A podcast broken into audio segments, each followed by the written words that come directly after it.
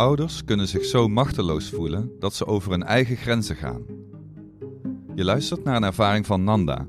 Als gezinsondersteuner bij de pilot Verbindend Opvoeden helpt ze gezinnen om een uithuisplaatsing te voorkomen.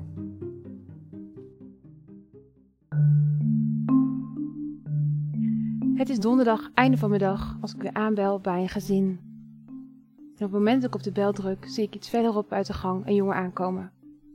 15 jaar, 1,80 meter en blond haar. En hij doet de deur open. Moeder had me verteld dat deze puber niet zou komen opdagen. Weglopen van huis en spijbelen, dat was waar ouders tegenaan liepen.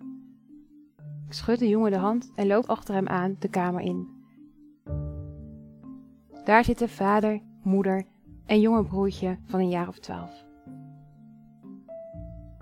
We gaan vandaag met elkaar in gesprek, want het loopt thuis niet lekker en iedereen heeft er last van. Ik geef ze de opdracht om na te denken over de eerste vraag. Waar zouden jullie over zes maanden staan als er niks verandert? Wat gegiegel, wat heen en weer geschuif met papiertjes. Iedereen gaat uiteindelijk aan de gang en daarna hebben we het ook over de vraag: waar willen jullie met elkaar staan over zes maanden?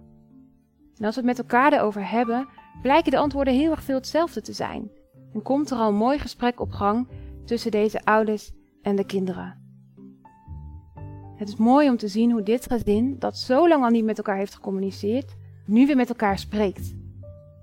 Ouders geven aan dat dit gesprek al een hele opheldering is geweest, omdat ze weten hoe hun kind erin staat en dat ze merken dat ook het kind wil dat er verandert. Met een blij gevoel loop ik weg.